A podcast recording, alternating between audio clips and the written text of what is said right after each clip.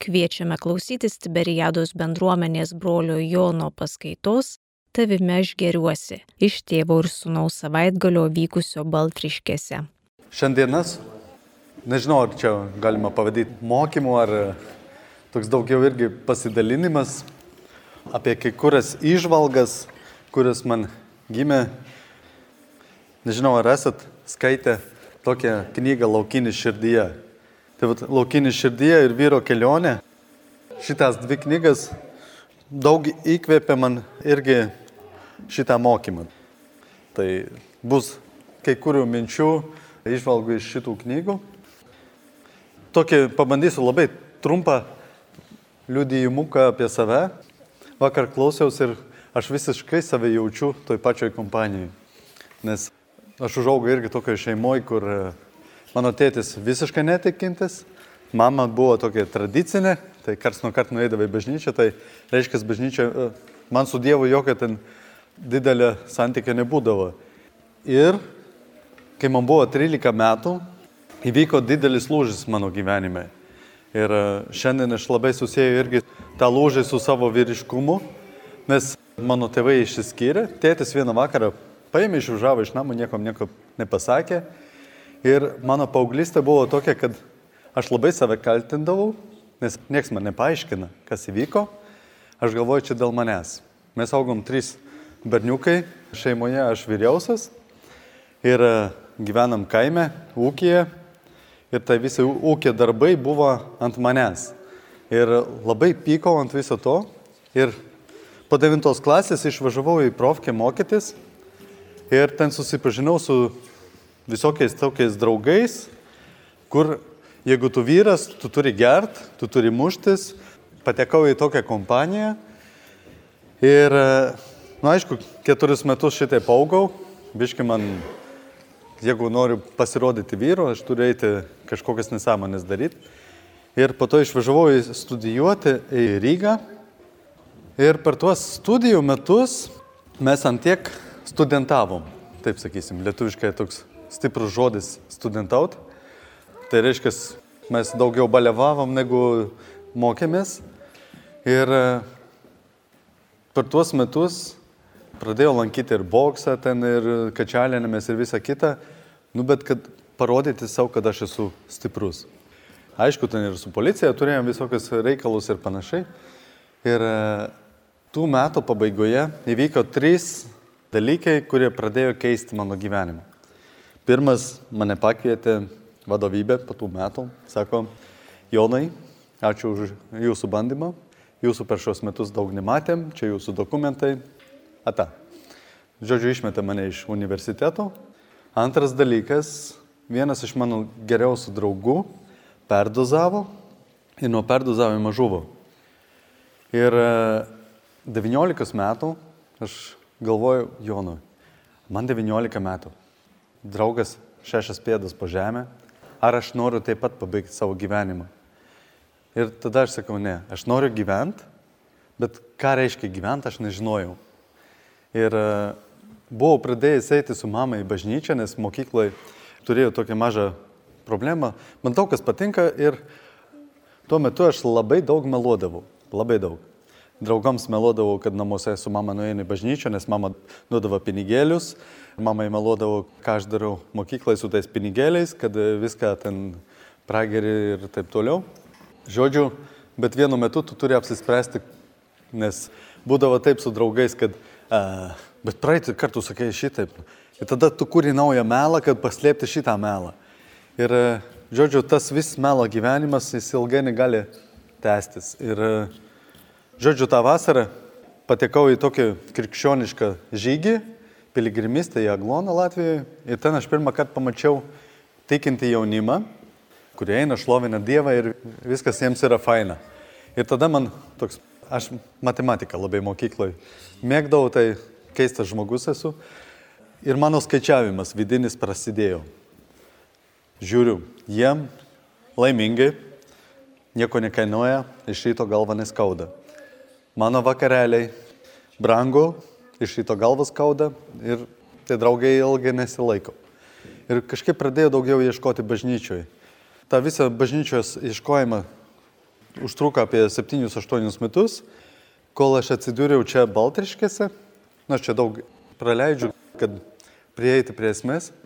Ir e, keistojau vienuolyną. Po to šešius metus gyvenau Belgijoje ir per tuos šešius metus įgyjau tokią vidinę laisvę ir ruoždamasis amžiniesiems įžinams čia Lietuvoje, aš supratau, yra dar vienas dalykas, kuris mane slegia. Tai yra mano santykiai su tėčiu. Aš jau žinojau, kuris gyvena, turiu 21 nerimetai skirtumas su mano sesė iš tėčio pusės. Žinojau, ką jis daro, kuris gyvena, bet aš su juo nelabai bendraudavau. Ir supratau, kad aš nesugebėsiu laisvai atiduoti savo gyvenimą Dievui, jeigu aš nesutvarkysiu savo santykiai su tėčiu. Na, aš po to per mokymą irgi truputį paliesiu šitą temą, bet ir kas įvyko, kad su savo dvasios tėvelį pradėjau eiti atleidimo kelią. Ir vieną dieną jis man klausė tokį klausimą. Ar tu esi už ką nors dėkingas tėčiui? Nu, prisimenu, ten vaikystėje būdavo fainų dalykų, bet ta žaizda buvo daug didesnė negu tie geri prisiminimai. Ir e, sakau, aš galėjau tūkstantį dalykų surasti, už ką aš tėtį pasmerkčiau, negu surasti vieną dalyką, už ką aš jam esu dėkingas. Ir vieną kartą per maldą atėjo man iš širdį toks apšvietimas, sakysim. Dievas prabilo, sako, bet jo dėka tu esi. Kad ir koks mano tėtis yra, be jo manęs nebūtų. Ir aš tada kybau prieš šitą dalyką, kad eiti tą atleidimo kelią, kad, kad ir koks yra mano tėtis, jis yra, be jo manęs nebūtų. Ir po metų nutariau nuvažiuoti pas tėtį, pasišnekėti. Tėtis mano irgi kaip dauguma vyrų turi tokį problemą su alkoholiu, tai jis labai mėgsta išgert, kartais per daug. Ir tą dieną, kai atvažiavau pas jį, gatavus ten. Ne jis mane lydėjo iki savo namų, bet aš jį turėjau palydėti. Ir sakau, Dieve, pagaliau aš atvažiavau rimtai pasišnekėti su tėčiumi, o jis toks. Nu, aš savo pabrėžiau kaip paskutinį tokį išbandymą. Ir kitą rytą pažadinau, sakau, tėtė, aš atvažiavau tau pasakyti tris dalykus. Pirmas dalykas, aš tau atleidžiu visą tai, ką tu padarėjai mums ir šeimai. Aišku, ten nebuvo taip gražiai, kaip aš dabar šneku, ten buvo... Tie žodžiai sunkiai. Ir antras dalykas buvo, kad aš prašiau atleidimą, jeigu aš kažką blogai padariau, nes aš labai jausdavausi kaltas. Ir trečias dalykas man turbūt buvo sunkiausias pasakyti tėčiui, kad aš tave myliu, priimu tokį, koks tu esi. Nežinau, kiek iš jūsų kas yra sakę tai savo tėčiui, bet žinau, kad vaikinams tai yra labai sunku. Ypač paauglystai ir e, jaunistai. Tai va. Ir iš pradžių įsivaizdavau, kad apsiverksim, apsikabinsim, kaip muilo operoje, viskas bus gerai. Toli gražu. Nes aš atleidimo kelią praėjau, o tėtis tai jam dabar bum viskas ant galvos, nesupranta, kas čia vyksta. Ir taip ir išsiskyrėm ir e, kas buvo stipru, mano įžadų diena, jis buvo čia bažnyčioj. Gal ant vienos rankas pirštų gali suskaičiuoti, kiek kartų jis buvo bažnyčioj. Bet tą dieną, trys valandas jis išbuvo čia, bažnyčioj, nieko man nepasakęs. Jis buvo čia. Ir man tai buvo taip graudu ir stipru. Nes Žodžiais jis nesugebėjo nieko pasakyti, bet jo buvimas man buvo didelis ženklas. Ir, ir paskutinis dalykas, jis man padovanoja dovaną. Jis galėjo man padovanoti naują mašiną, belent ką. Aš taip nebūčiau apsidžiaugęs. Jis man padovanoja mažą maišelį. Aš dėja jį nepasiimiau parodyti, negalvoju, kad papasakosiu savo istoriją, bet tame maišelėje buvo žemė. Jis sakė, Jonai, tavo vaikystėje, tu šitą žemę tikrai turėjo paliesti tavo pėdas, kai, kai tu vaikystėje lakstai per kiemą. Nes mes gyvenam Latvijos kitoje pusėje, po to persikraustam, bet tą dovaną, kad ta žemė, čia tavo šaknis. Ir Jonai. Ir tam tikrą prasme tai man gražina mano irgi vyriškumą. Suvokimą, kad aš galėjau pradėti kreiptis į dangišką į tėvą, tėvų. Tai tėvė mūsų malda irgi pasikeitė. Tai va tokia labai trumpai mano istorija. Šitą mokymą pavadinau tavimi aš geriuosi. Ar žinot, iš kur yra šitas sakinys? Diakonas tyli. Jis tai tikrai žino. Jeigu jis nežino, tai nežinau, kas žino. Tu mani mylimasis sunus, tavimi aš geriuosi. Tai Jėzaus krikštas.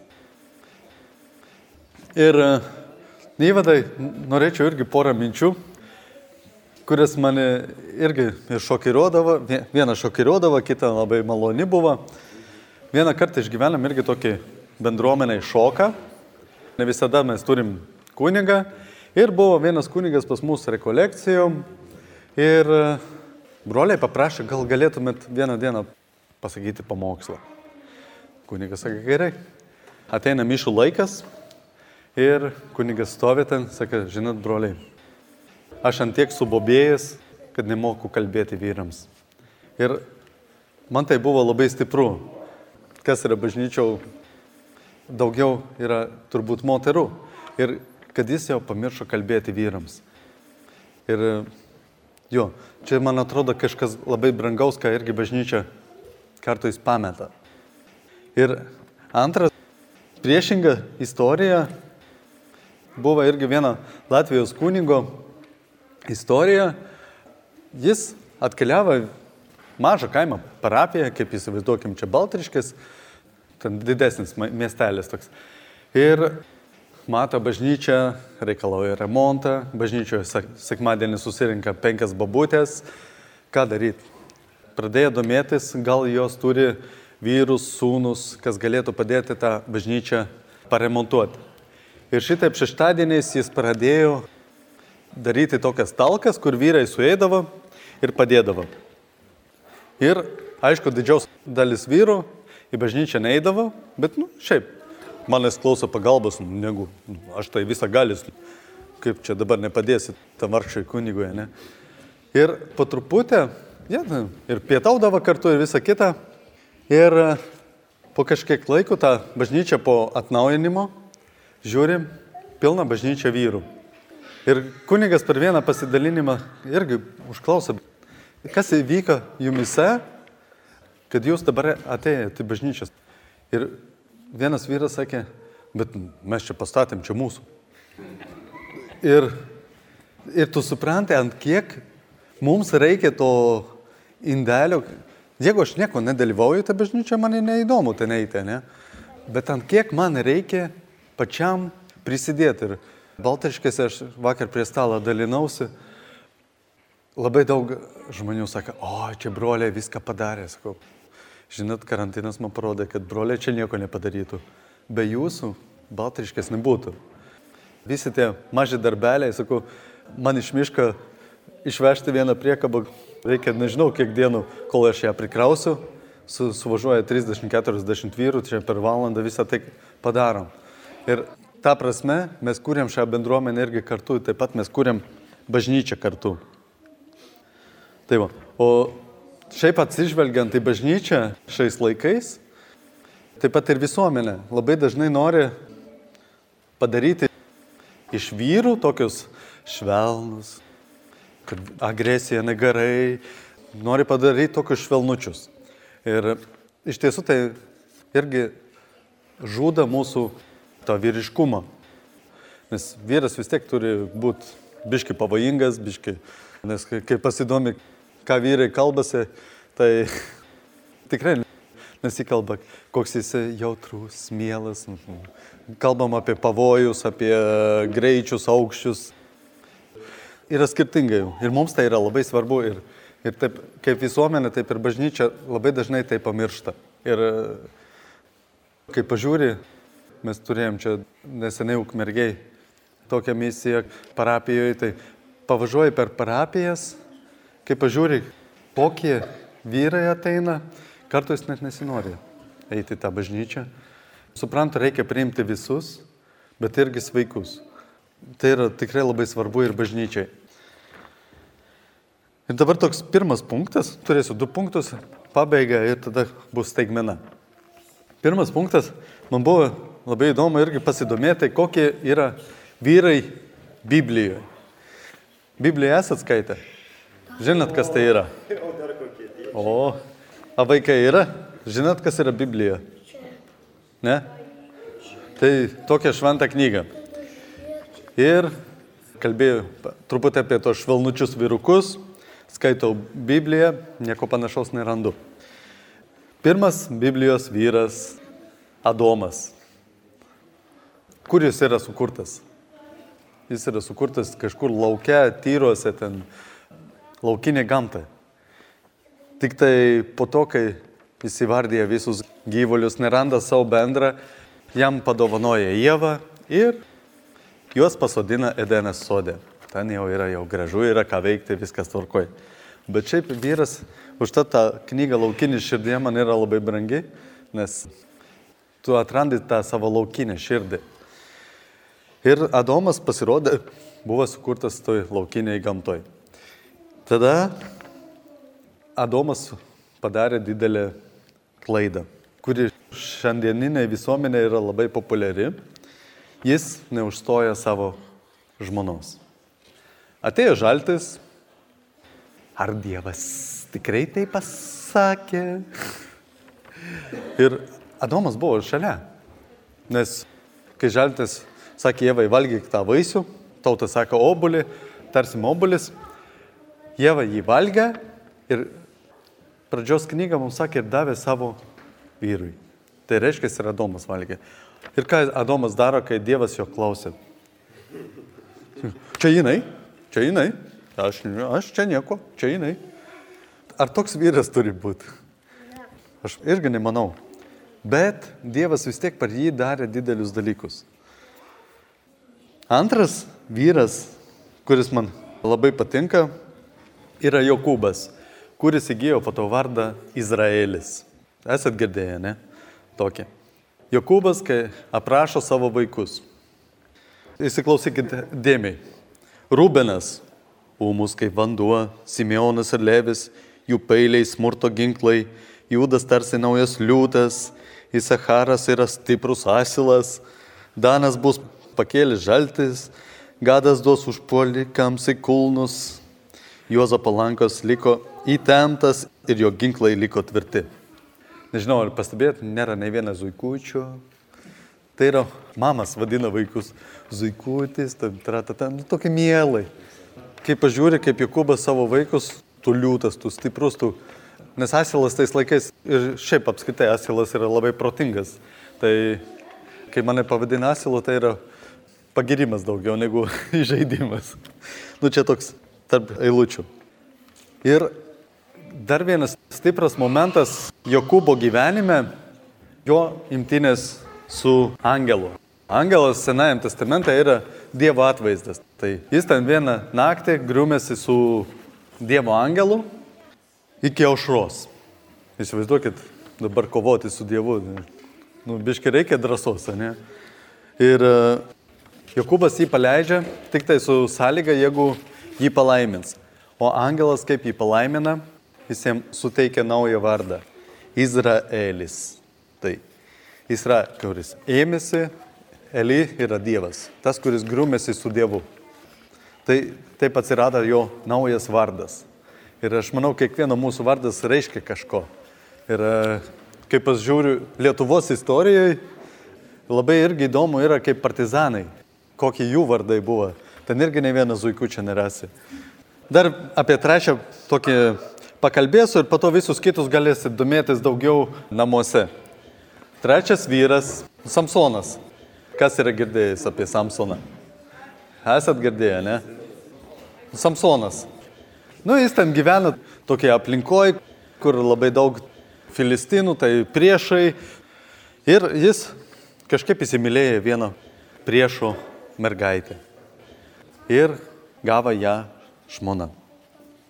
Ir ten vyko vis visokie įveikiai irgi viską neperskaitysiu, bet yra trys kartai minimi toje istorijoje, kai viešpaties dvasia jį apėmė. Ir kas vyko tuo metu, kai viešpaties dvasia jį apėmė, jis išžudė labai daug žmonių, daug priešų. Viešpaties dvasia apėmė jį ir jis liūtą perplėšė plikomis rankomis. Reikia įsivaizduoti, esat matę liūtą. Biški baisu, ne? Kai pamatai jį, kol jis už grotelių, tau nebaisu, o kai jis ne už grotelių, tai nežinau. Aš tai nežinau.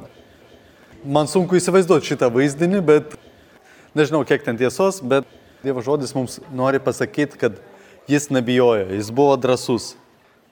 Ir e, tada ten jis ten uždavė vieną mislę, iš jo žmonos išgavo atsakymą ir tada dar viešpaties dvasia jį apėmė, jis užmušė 30 filistinų. Ten su asilo žandikaulį po to tūkstantį ten užmušė ir taip toliau. Ir savo gyvenimo pabaigoje irgi teisėjų knyga mums sako, kad mirdamas jis užmušė daugiau nei buvo užmušęs gyvas būdamas, apkabinant du namus stulpus ir sugriovė namą. Žodžiu, geriau tokiam po ranką nepasipainiota, ne? Bet jis kovoja už teisybę, už savo šalį, už laisvę. Ir tai yra labai svarbu irgi prisiminti, jis neėjo žudyti šiaip savo, iš nieko veikti. Tai va, tokie trys vyrukai Biblijoje, ten dar galima būtų kalbėti apie Dovydą ir Galijotą, Danielius ir liūtų duobėm, Mozės visą istoriją, Abromas ir taip toliau. Ten labai daug įdomų vyrukų yra Senajam testamente. O Naujam testamente mūsų mylimiausias, svarbiausias vyras yra Jėzus. Irgi dažnai ypač sektų atvaizduojamas labai toks mielas, su vaikučiais, tratata, tratata. Toks kūdas visas, ne, sublogęs visiškai. Bet kai paskaitai Evangeliją, nu, neatrodo tas Jėzus toks mielas ir pukuotas. Kaip pavyzdžiui, jo misijos pradžia, jo santykis su tėčiu, su dangaus tėvu. Kaip tik mūsų šito mokymo tema, tavimi aš geriuosi. Jėzus eina krikštytis pas Joną Krikštytoją, ten vyksta vis dialogas, kad sakė, Jonas Krikštytojas sako, tai aš pas tave turėčiau eiti. Jėzus sako, dabar tu nesupranti, daryk, ką liepiu ir viskas. Nu ir dabar vyksta krikštas. Kas atsitinka? Vaikai žinot, kas atsitinka per Jėzaus krikštą? Atsiveria dangus. Šventas Matas labai moka tai papasakot. Reikia ten labai įsivaizduoti. Atsiveria dangus. Iš dangaus nusileido šventoji dvasia, tarsi balandis. Ir balsas iš dangaus prabylo. Tu esi mano mylimas sunus tavimi aš geriuosi. Ir e, viskas būtų kaip ir gerai, ne? O tavimi aš geriuosi, puikus vyrukas, dabar galėti misiją. Ne. Sekančias eilutės į dykumą. 40 dienų. Be maisto, be nieko. Nu, parodyk, kad esi mano mylimas sunus. A ne? Išgrynyti irgi tą santyki tą dykumą, tą tylą, tuštumą, kurioje mes išgrinėjom tą santyki. Ir Jėzus taip perėjo taip pat. Ir e, po tų 40 dienų dykumoje, tada jau prasidėjo jis. Surinka mokinius, ten pradėjo eiti skelbti gerąją naujieną. Ne?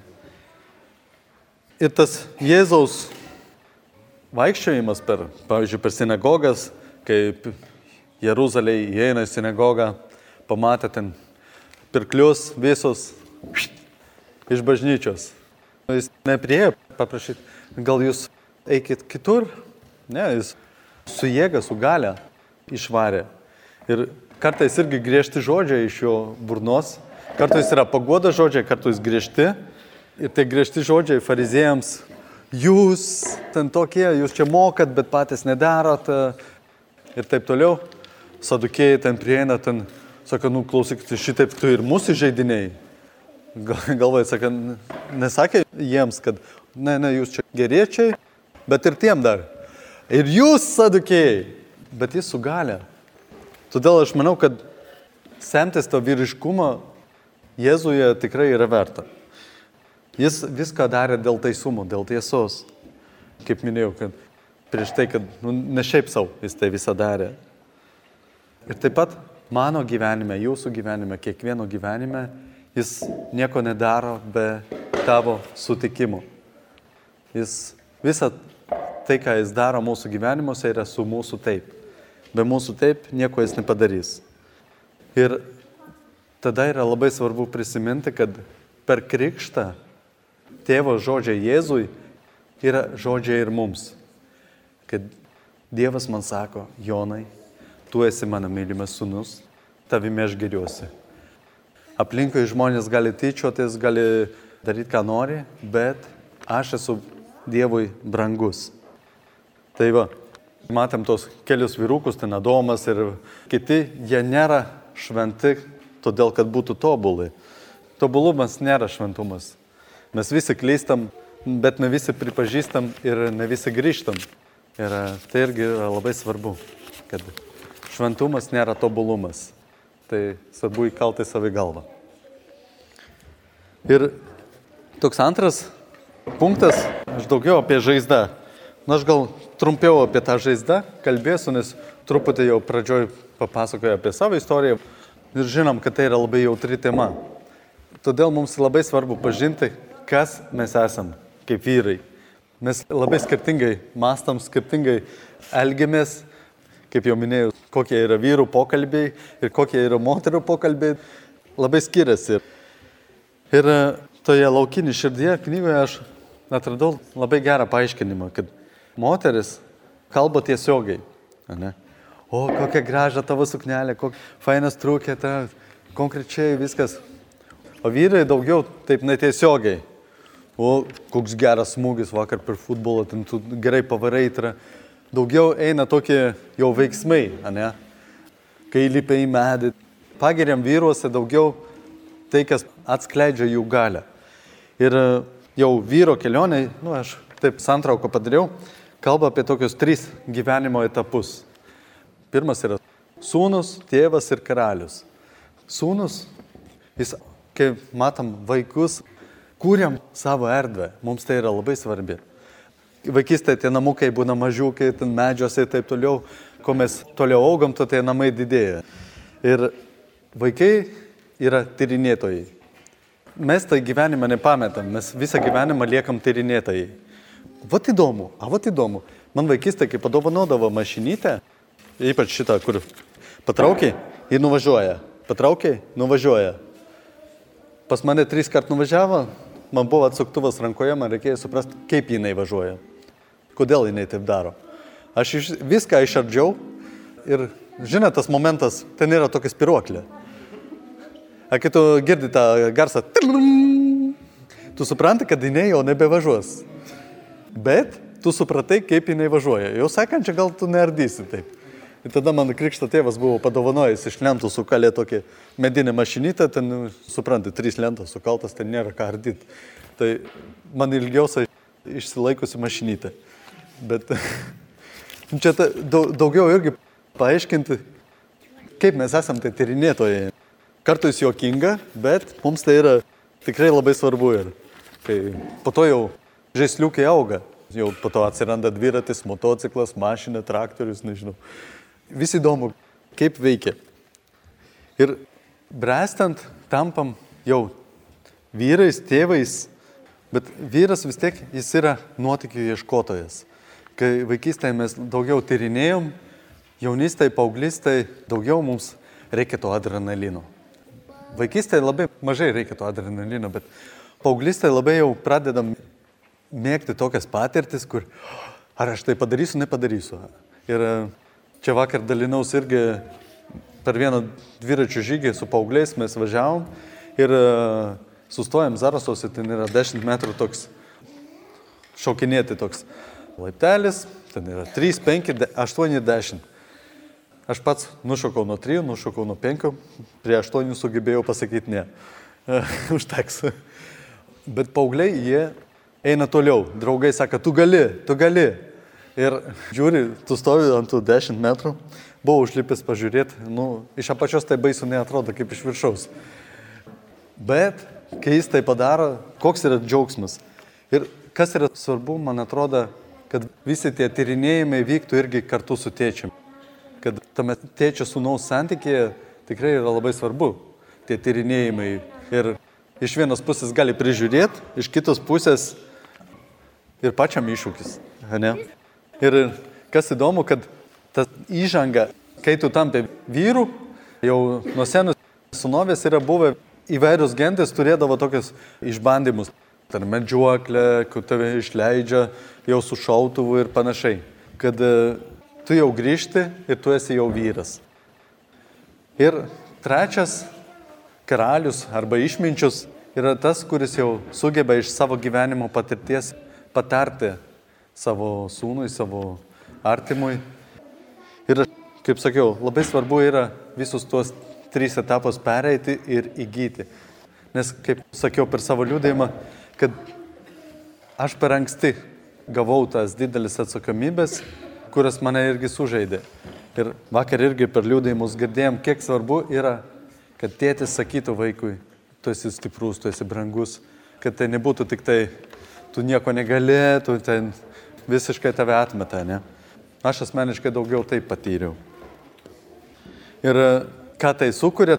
Tai sukuria manyje tada tokį neatsakingo vyruko elgesį, kad aš niekada nenoriu prisimti atsakomybę, aš nenoriu tai, aš galiu patarti kitams, bet savo gyvenimą nesugebėsiu sutvarkyti. Ir kitas toks pasakymas yra, kad vyrai neauga, auga tik jų žaisliukai. Ne? Kaip? Vyrai, auga, buvo tokia mašinytė, dabar jau tokia mašinytė. Ir vis tiek tas kalbas mums eina apie, daugiau apie tas mašinytės, ne? Ir prieš pabaigti norėjau tokį mažą šios vasaros iššūkį iš gyvenimą, kur turėjom jau keli metai, kaip organizuoju irgi vaikinukams tokį išbandymus, toks save išbandyti kelionę. Praeitais metais mes važiavom 300 km per keturias dienas su dviračiais, su visais daiktais. Vengiam žvyrą ir asfaltą, tai važiavom miškais ir laukais. 80 km per dieną elgetavom maisto, nakvynės. Žodžiu, veikti buvo ką. Ir šiais metais vienas iš vaikinų po traumas jis dėja su dviračiais važiuoti negali, ypač tokius atstumus. Jis sako, galėtum su baidarin. Skau, nu, būtų įdomu. Jis pasiūlė praplaukti šventąją. Pažiūrėjom datas, pažiūrėjom, kad išeina tik tai penkias dienas, kur galime įterpti kažkur, kur būtų bendras laikas. Tai prieš pat mūsų šeimų stovyklą.